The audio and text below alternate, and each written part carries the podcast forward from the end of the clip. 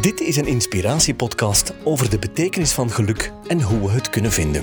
Via interviews met boeiende gasten bekijken we alle aspecten van geluk en zoeken we concrete tips om te kunnen toepassen. Welkom bij Potvol Geluk.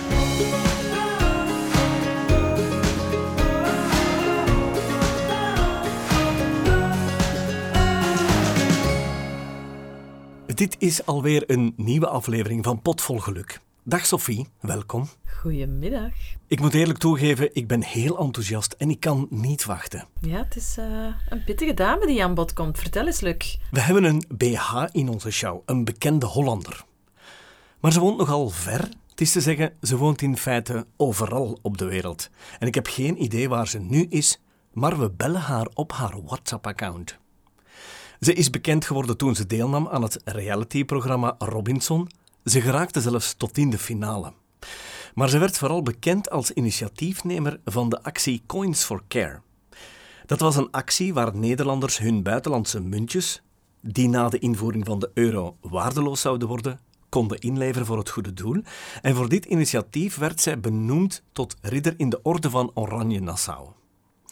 Dus wat ben ik blij dat wij Esther Jacobs in onze show hebben. Ja, ja, want ze heeft ook heel wat te vertellen over geluk. Inderdaad, ze was al te gast op verschillende tv-zenders en is al vaak geïnterviewd, maar ik ben vereerd dat we haar hier in onze show hebben. Laten we haar meteen bellen. Hi, Luc. Dag Esther, Luc en Sophie hier van Hallo. Potvol Geluk. Dag Esther. Twee voor de prijs van één. Ja. Hi. Zeker weten. Esther, in welk continent ben jij nu? Ik ben eh, toevallig net eh, geland in Amsterdam. Ehm, en daar ben ik vier dagen, want ik ga zo meteen vanmiddag eh, vertrek ik alweer met de trein naar eh, Parijs. Dus dan kan ik nog even naar jullie zwaaien als ik door België kom. Heerlijk.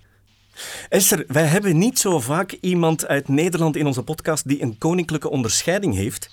Maar eh, e- eerlijk toegegeven, ik denk ook niet dat jij zo heel bekend bent hier in Vlaanderen. Dus sta mij toe jou heel even te introduceren. Mag dat? Ja, natuurlijk. Als ik het goed begrepen heb, heb jij meer dan duizend keynotes gegeven.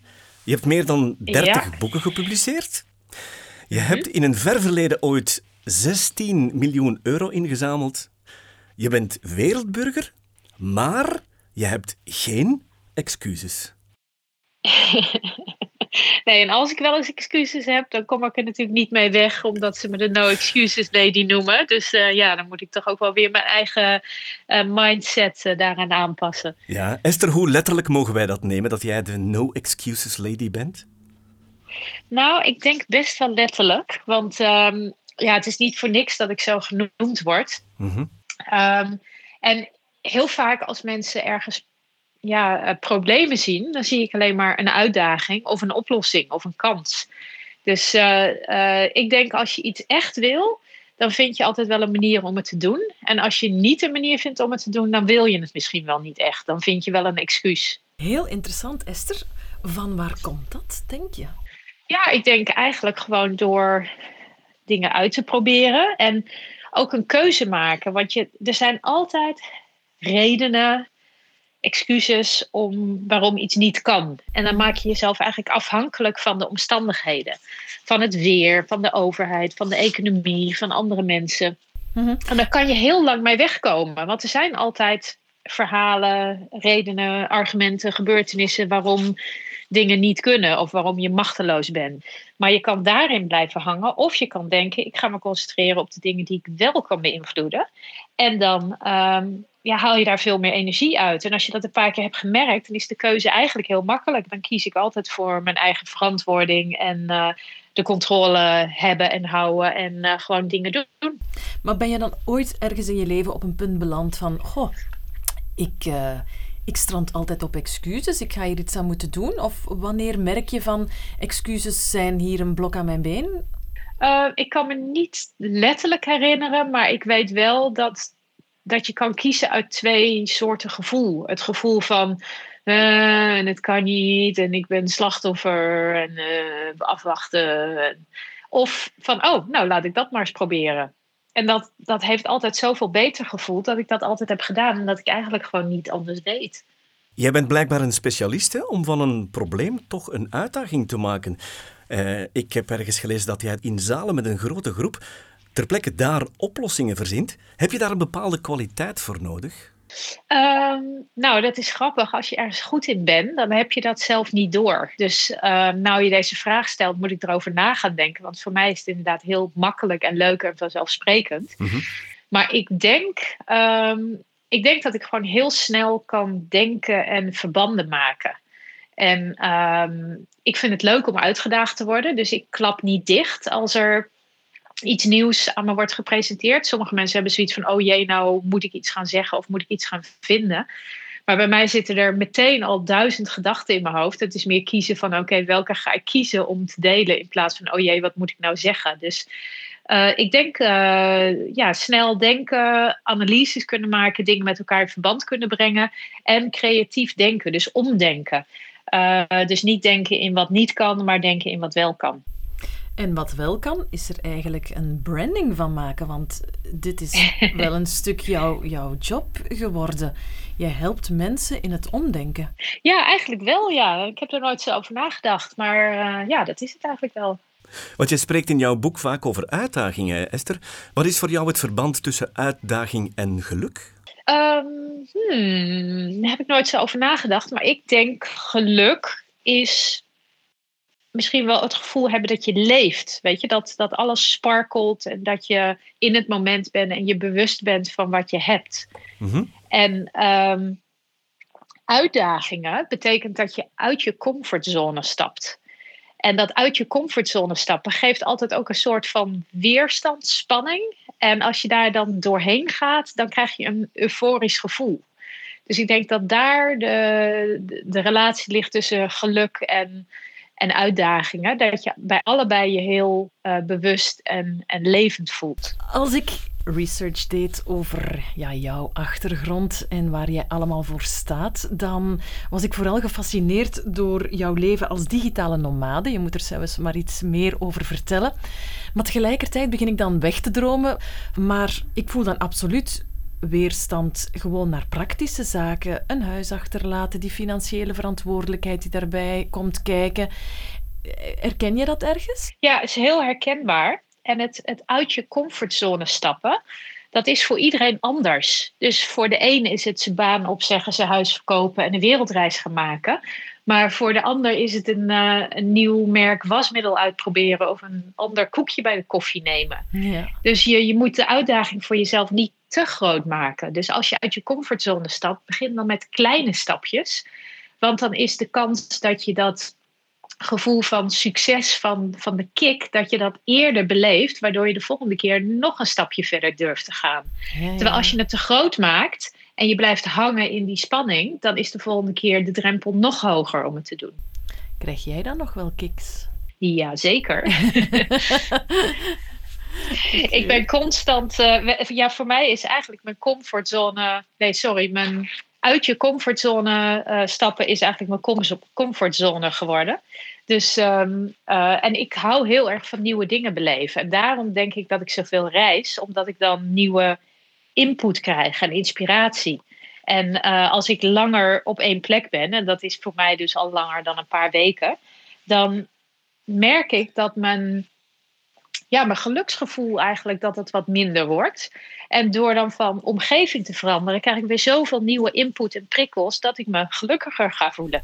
Maar het klinkt bij mij ook wel een beetje iets van onrustigheid. Alsof je ja, dan ook niet kan neerleggen bij dit is nu de situatie en hier ben ik nu.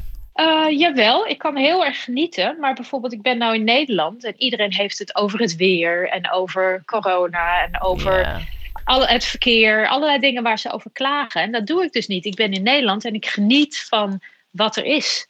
En um, als ik ergens anders ben, geniet ik ook van wat er is. En ik denk als je langer op één plek bent, dat je dan ook de dingen gaat zien die minder leuk zijn. En dat je daar dan uh, over gaat klagen of je tegen gaat verzetten. En ik ben eigenlijk nooit ergens zo lang dat ik in die fase terechtkom. Heel interessant. Esther, de vraag brandt op mijn lippen. Wat betekent vrijheid voor jou dan? Nou, vrijheid is echt mijn hoofdthema. Het is mijn mooiste bezit. En ik heb daar heel veel over nagedacht. Wat betekent vrijheid? En voor mij is vrijheid om keuzes te maken. Dus ik kan kiezen om in Nederland te blijven als het regent. Ik kan kiezen om op een vliegtuig te stappen naar Japan als ik daar graag heen wil. Ik kan kiezen om te werken. Ik kan kiezen met wie ik werk. Ik kan kiezen om geld uit te geven of niet geld uit te geven. En die keuzevrijheid, dat is voor mij de grootste vrijheid. Dat ik aan niemand verantwoording hoef af te leggen. Dat ik me niet gevangen voel in een baan, in een structuur, in een relatie, in wat dan ook. En als ik me ergens niet prettig bij voel, dan kan ik de keuze maken om daar iets aan te veranderen. Of ik kan de keuze maken om daar even in te blijven, omdat het een ander doel dient. Maar dan weet ik wel dat ik die keuze heb gemaakt, waardoor ik dat vervelende dan wat langer kan verdragen. Dat klinkt voor mij echt too good to be true. Is het ook. het is niet altijd ideaal. Ik heb ook wel eens een baaldag en ik ben ook wel eens moe en dan denk ik, ah, ik wil even niet meer. Maar dat hoort erbij. En ehm, dan kan ik niet iemand anders de schuld geven. want het is makkelijk om dan je baas of je relatie of je land of wat dan ook de schuld te geven. Ehm, ik neem dan liever zelf de verantwoording. Ja, ja, en verantwoording, daar kan ik nog op, op mee volgen. Maar ook die financiële resources die je toch moet voorhanden hebben om dat soort keuzes te kunnen maken. Ja, je hebt wel een beetje iets van een buffer of een basis nodig. Mhm. Maar dat hoeft niet zo hoog te zijn als de meeste mensen denken. Want ik weet niet hoe het prijsniveau in België is. Maar als je in Nederland in een stad wil leven, dan heb je best een behoorlijk bedrag per maand nodig. Ja, dat klopt. En dan denken mensen, dan kan ik niet op reis bijvoorbeeld. Maar als je reist, geef je eigenlijk veel minder geld uit dan als je in een grote stad in Noord-Europa woont. En dan moet je niet op reis gaan naar Zwitserland of Londen of um, zo'n dure plek.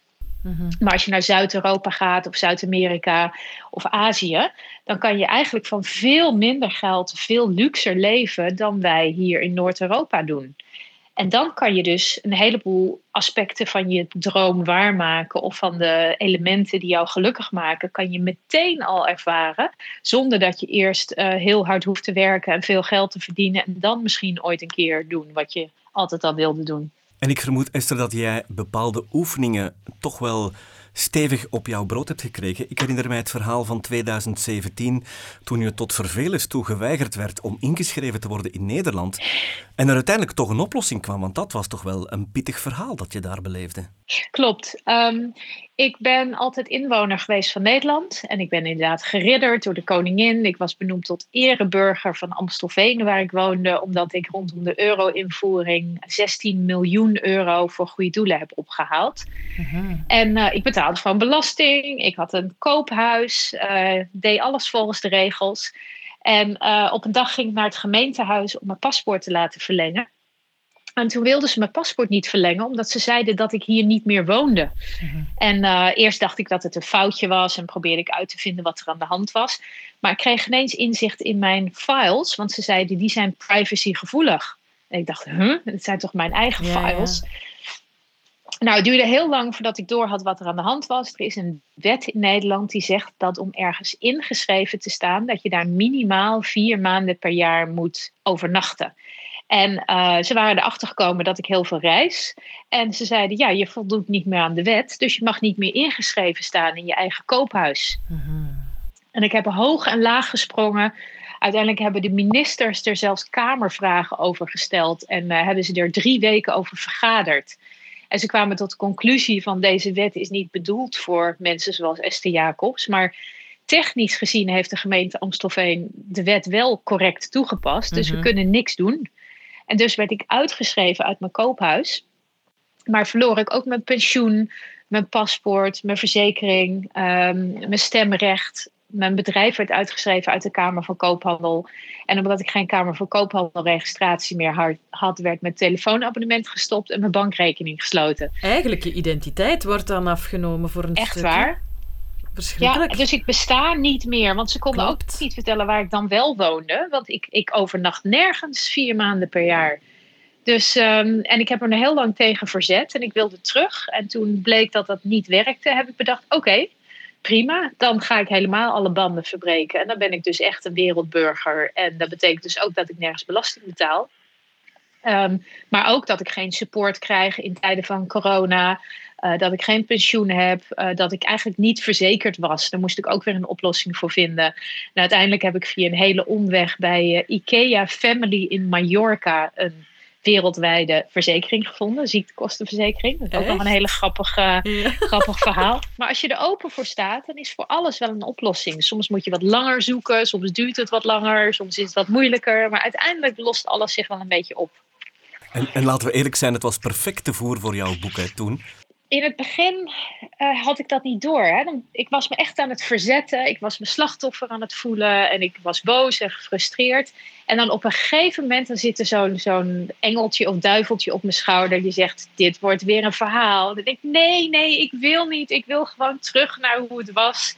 En op een gegeven moment geef ik me er dan over, oké, dan wordt het een verhaal. En dan ga ik alles opschrijven en alle e-mails bewaren. En het is ook een geweldig verhaal geworden en een geweldig boek. Inderdaad. Het handboek voor wereldburgers. Wat ook weer een hoop mensen helpt die in dezelfde situatie zitten. En hoe ben je er dan helemaal doorgeraakt, Esther? Want daar zijn we benieuwd naar. Nou ja, ik kom nog regelmatig uh, problemen tegen, heel eerlijk gezegd. Dan raak ik mijn rijbewijs kwijt en dan kan ik het niet vernieuwen. Of dan uh, nu met de vaccinaties of nou wat dan ook. Er zijn altijd genoeg problemen. Maar ik weet gewoon dat er wel weer een oplossing komt. Dus als ik geduld heb en gewoon dingen blijven uitproberen, dan komt er altijd wel weer een oplossing. En hoe het nu is, ik heb een bedrijf opgericht in de Caribbean. Um, ik heb een ziektekostenverzekering op Mallorca. Um, ik heb zelfs onlangs een stukje land gekocht in Zuid-Italië. Gewoon voor de grap.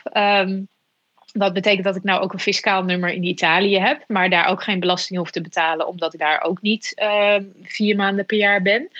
En het betekent dat ik heel veel mensen help die een vrijer leven willen en die zich gevangen voelen in het systeem, maar niet weten wat voor alternatieven er zijn. En ik help ze door ze in contact te brengen met elkaar, door ze te vertellen over de regels, de problemen die ik heb gehad, hoe ze die kunnen voorkomen, hoe ze dingen kunnen inrichten voordat ze uit het systeem stappen of emigreren. En zeker tegenwoordig dat veel meer mensen uh, remote kunnen werken, dus niet meer op een kantoor hoeven te zitten uh, beseffen ze dat ze ook niet meer thuis hoeven te zitten, maar dat ze in een café kunnen zitten of in een coworking space, maar ook uh, in Spanje in een uh, Airbnb-huis gewoon hun werk kunnen doen. En als dat heel veel meer geluk oplevert, omdat ze dan in het weekend op vakantie zijn en s'avonds lekker op het terrasje kunnen zitten, dan uh, is dat een win-win-win situatie. Dus daar is ook de werkgever blij mee en zij ook. Alleen je moet je omgeving houd je vaak tegen, want die projecteren hun eigen angsten op jou. Van zou je dat nou wel doen? En doe nou maar voorzichtig en doe nou maar gewoon en doe niet zo, neem geen grote risico's. Terwijl als je dan in contact komt met mij en met gelijkgestemde mensen, dan is het ineens van hé, hey, het is wel mogelijk, want zij hebben het ook gedaan en ze hebben een oplossing daarvoor en ze stellen me gerust dat het allemaal goed komt. Dus op die manier is mijn probleem eigenlijk een uh, kans geworden, waarmee ik niet alleen zelf een veel vrijer leven heb, maar ook andere mensen ermee kan helpen. Ik vind het wel heel inspirerend en als ik jou zo hoor, dan ervaar ik vanuit jouw woorden gewoon ook een, een, een soort van zelfvertrouwen. En ik denk dat dat vertrouwen jou ook wel verder stuurt en altijd wel voor een oplossing zou kunnen zorgen. Klopt, ik, ik heb mezelf heel goed leren kennen, maar dat is alleen maar gebeurd omdat ik honderd keer op mijn bek ben gegaan, zoals ja, we dat in Nederland zeggen. Um, en daar ben ik dus ook niet bang voor, want ik weet inderdaad, ik vertrouw erop dat er altijd een oplossing komt. Of dat ik zelf iets kan bedenken, of dat het universum iets op het pad brengt. En anders dan ken ik genoeg mensen om om hulp te vragen en dan komt iemand anders wel met een oplossing. Dus als je niet meer bang bent voor wat er kan gebeuren, dan ga je ineens kansen zien en kansen pakken en dingen uitproberen. En dat is denk ik ook een beetje het ondernemerschap. Ja, want waar een wil is, is een weg. Absoluut, echt waar. En als er geen oplossing komt, dan komt er wel een excuus, zeg jij soms. nou, het is meer als je. Stel, ik wil iets heel graag, dan ga ik een manier verzinnen om het te doen. En dan vind je altijd wel iets. Maar als je nou toch niet echt wil, als je het zegt omdat je omgeving vindt dat het moet, of je denkt dat je het wil, dan ga je niet al die moeite erin stoppen om die oplossing te vinden. Maar dan ga je vaak excuses zoeken om uit te leggen waarom je het niet doet. Ja, ik zou ook wel zo'n leven willen zoals Esther. Maar ja, ik heb een hypotheek. Ja, Of, eh, maar ja, ik heb een baan. Of eh, ja, eh, ik heb kinderen. Nou, ik ken ook mensen die met een hypotheek of een baan of kinderen of het liefst alle drie op reis gaan. Dus het kan wel. Maar als je het eigenlijk niet wil, dan stopt het bij een excuus. En van zodra we horen dat we excuses verzinnen, moeten we eigenlijk gaan nagaan waar zit die blokkade dan of wat maakt dat ik hier excuses zit te verzinnen. Klopt, want of je zegt dat je iets wil, of je denkt dat je iets wil wat je eigenlijk niet wil. Nou, dan kan je tegen jezelf zeggen: Nou, ik hoef helemaal niet op reis. Ik ben heel gelukkig in België met mijn baan, in mijn huis. Laat ik er lekker van genieten. Want wij zien altijd het gras aan de overkant is altijd groener. Maar als je je eigen grasveldje water geeft, dan wordt het ook groen. Dus je kan je energie dan beter in je eigen grasveldje stoppen dan de hele tijd naar die buurman te kijken, of naar mij te kijken, of naar de andere kant van de wereld. Dus het is ook een keuze maken. Daar hebben we weer keuzevrijheid. Een keuze maken. Wat wil je nou echt? En daar je aandacht en je energie op richten. Mhm. Ja. En dat mag ook best iets heel kleins zijn. Je kan je aandacht geven aan een ziek familielid, of aan kinderen, of aan een baan. Of ik zou een boek willen schrijven en daar ben jij ook de perfecte hulp bij. Ja, boeken schrijven is eh, ten eerste een boek schrijven is heel bijzonder. Want dan ga je nadenken over wie ben ik eigenlijk, wat is mijn toegevoegde waarde en waar kan ik andere mensen mee helpen? Of wat is de boodschap die ik wil delen? En voor mij is het heel leuk om te werken met mensen die een boek willen schrijven. Want ik kom allemaal bijzondere mensen tegen. Die hebben allemaal een verhaal. En die weten niet hoe ze dat op papier moeten zetten. Of waar ze moeten beginnen. Of wat nou hun toegevoegde waarde is. En daar komt weer mijn kwaliteit naar boven. Dat ik heel snel de essentie ergens uit kan halen. En het is voor mij heel leuk om te doen. En het geeft dan die mensen een- vliegende start voor hun boek. Mhm. En eh, ja, op die manier doe ik iets wat ik leuk vind, waar ik goed in ben. En mensen met wie ik werk, die zijn er heel blij mee. En die kunnen op die manier weer hun boodschap delen met de wereld. En die weten weer een beetje beter wie zij zijn. Waardoor ze daar ook vaak weer geld mee kunnen verdienen. En dan een vrijer leven hebben. Dus op een of andere manier komt het allemaal bij elkaar. Is dat de reden waarom mensen het in tien dagen kunnen, zoals jij eh, verkondigt? Want heel veel auteurs werken maanden en jaren aan hun, aan hun boek. En eh, jij helpt heel veel mensen om het eh, korter te doen. Waar zit het geheim? Ja, ik organiseer schrijfweken in Mallorca, de Franse Alpen, Curaçao en op nog heel veel andere plekken. En ehm, daar help ik mensen om een boek te schrijven in één week. Mhm. En dat kan dus echt. Eh, het werkt natuurlijk beter voor een soort businessboek dan voor een levensverhaal. Hè, omdat er ook een hoop verwerking in gaat zitten en processing. Maar je kan, ook al kan je het boek niet afmaken in een week, je hebt dan eigenlijk alles gedaan waar je zelf vaak tegenaan loopt. Dus ik help mensen om een boek omgekeerd te schrijven. Ik noem het reverse writing. Want we beginnen niet op pagina 1, maar we beginnen met de achterflap. De achterflap van een boek is eigenlijk je samenvatting, je elevator pitch, je verkoopmateriaal. Het is wat je aan een uitgever stuurt. Het is wat je ziet op websites als Amazon. Um, en het is je structuur voor je boek.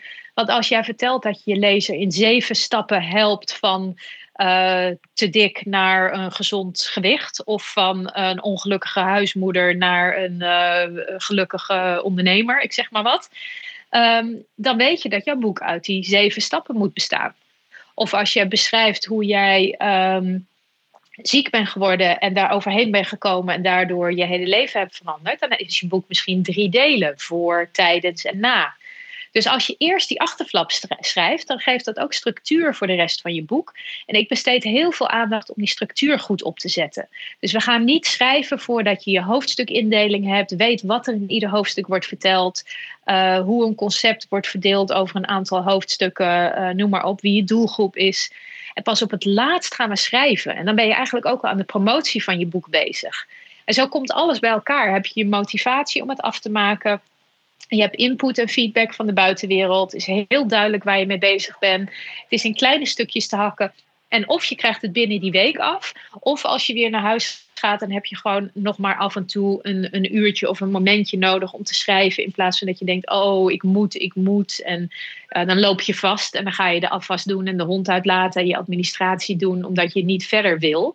Terwijl als je al die moeilijke dingen al hebt gedaan samen met mij en andere schrijvers, dan blijven er leuke dingen over uh, om dan uh, thuis nog te doen. Dit is in de praktijk gebracht wat jij dan als resultante doet. Hè? Want eerlijk gezegd, ik vind het een heerlijk woord dat ik het voor het eerst bij jou heb gezien. Resultante, ik vind het geweldig mooi gevonden, Esther?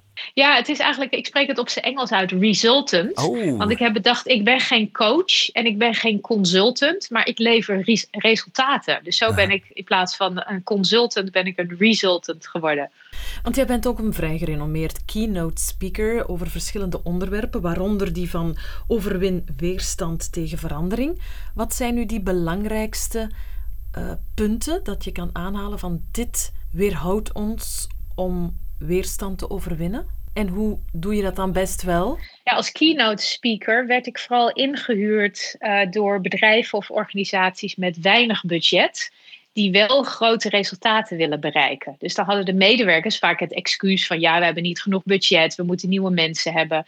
En als ik dan werd ingehuurd en ik vertelde mijn verhaal, dan konden ze daarna nooit meer een excuus hebben. En dan moesten ze wel creatief gaan denken om met het beschikbare budget, of vaak nog minder dan ze gewend waren, toch grote resultaten neer te zetten. Maar het principe is eigenlijk hetzelfde. Het is inderdaad een mindset door je niet ehm, je geluk of je, je resultaat op te hangen aan een externe factor. Ik kan pas eh, voor mezelf beginnen als ik de loterij heb gewonnen. Uh, ik kan pas uh, iets doen wat ik leuk vind als ik met pensioen ben. Ik kan pas een creatieve campagne voor mijn bedrijf verzinnen als ik drie mensen erbij heb. Dus heel vaak denken we dat er geld nodig is. Terwijl eigenlijk wat je wil bereiken is ook zonder geld te bereiken. Uh, dus je, ja, mijn, mijn advies is vaak om te zoeken naar de korte weg. En het even terugbrengen naar geluk. Heel vaak denken mensen: ik kan pas gelukkig worden als ik uh, klaar ben met werken en genoeg geld heb en kan gaan doen wat ik eigenlijk wil. En wat ik eigenlijk wil is meer tijd doorbrengen met mijn kinderen of mijn geliefde en uh, op reis gaan. Ja, we blijven uitstellen. Hè? We blijven eigenlijk ook die excuses bovenhalen. Ja, dat is heel jammer. Dat zit gewoon in onze cultuur. Of het zit misschien in de mens. Want wat als je gelukkig bent? Misschien zijn we wel bang om gelukkig te zijn. Dus een goede vraag is om aan jezelf te vragen: mag ik wel gelukkig zijn van mezelf? Want het is er gewoon, hè? Het is in ons, het is om ons heen. En wij kiezen waar we ons op willen focussen op wat er niet kan, op wat er niet goed gaat, of op wat er wel kan en wat er al is. En we kennen ook allemaal arme mensen in derde wereldlanden, of bijstandsmoeders, of mensen die, of mensen die ziek zijn geweest, of die geliefden verloren hebben. En die toch de kunst vinden om weer te genieten van het leven. En dan niet van de grote dingen, maar juist van de kleine dingen. Heb je daar zelf ervaring mee? Hoe dat je, hoe, hoe dat je dan zelf jouw ja, mentale status positief kan houden? Zijn er zaken die jou in het verleden geholpen hebben en die tips kunnen zijn voor luisteraars? Ja, er is een hele eenvoudige, eigenlijk zo eenvoudig dat je bijna denkt van nou dat kan, dat kan het niet zijn. en dat is, uh, uh, in het Engels noemen ze het uh, appreciation of gratefulness. Dus dat je iedere dag voor het slapen gaan en misschien ook wel 's ochtends, dat je drie dingen benoemt of opschrijft waar je dankbaar voor bent. En dat kan zijn uh, dat mijn ouders nog leven. Of het kan zijn dat ik in zo'n mooi appartement zit. Maar het kan ook zijn uh, dat ik een lekker kopje thee heb. Dat ik nou naar de vogeltjes luister. Je kan altijd drie dingen vinden waar je dankbaar voor bent. Zelfs al ligt er een geliefde op sterven. Zelfs al uh, heb je een ongeluk gehad of ben je ziek. En als je je hersens traint om die dingen te vinden waar je dankbaar voor kan zijn dan wordt het een soort gewoonte. En dan, het is net als met naar de sportschool gaan. Je traint die spier van dankbaarheid, waardoor je altijd oog hebt voor de mooie, kleine of grote dingen. Ik moet zeggen voor mezelf, um, nu je erover spreekt, herken ik uh, yoga hierin. En daar komt die dankbaarheid en ook het accepteren van wat is en daar uh, oké mee zijn ook wel fel in naar boven. Klopt, en yoga is ook heel erg uh, bewustwording. Bewustwording van je ademhaling, van je lichaam. Uh, als je echt spanning voelt, er niet van wegrennen, maar daar met aandacht en nieuwsgierigheid naartoe gaan. Ja. En ik denk dat dat misschien wel twee toverwoorden zijn voor het leven: aandacht en nieuwsgierigheid. Want wij kijken, we zijn gewend om te kijken naar mensen die meer hebben. Uh, dus zelfs mensen die heel rijk zijn, die zeggen, ja nee, maar ik ben uh, nog niet zo heel rijk. Want uh, die vrienden of bekenden, die hebben een nog grotere boot. Die hebben nog meer geld. Mm-hmm. Terwijl als je kijkt naar de mensen onder jou, die minder hebben of minder succesvol zijn. Dat zijn er veel meer. En je kiest naar wie je kijkt. Kijk je altijd vooruit naar mensen die meer hebben of hè, hoe je jezelf nog meer kan pushen?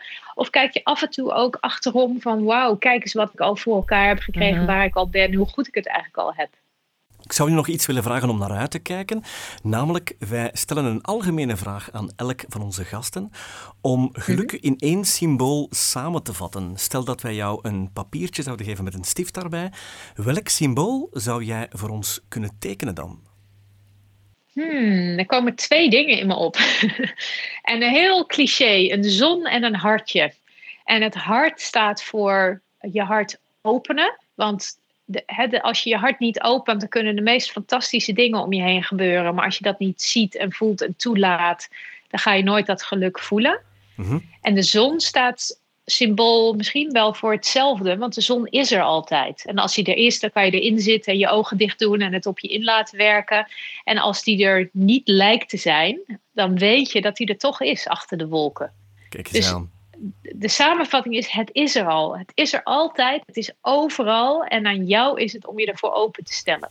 Wel, dan stel ik voor met jou goed vinden dat ik dat laat tekenen door mijn neefje van vijf jaar en dat we dat gebruiken als logootje voor deze aflevering. Wat prachtig, wat leuk. Alsjeblieft. Dan rest ons alleen nog jou van harte te bedanken voor de bereidwilligheid om hier bij ons te zijn, want ik vond het ontzettend leuk om zo iemand bijzonder in onze show te hebben.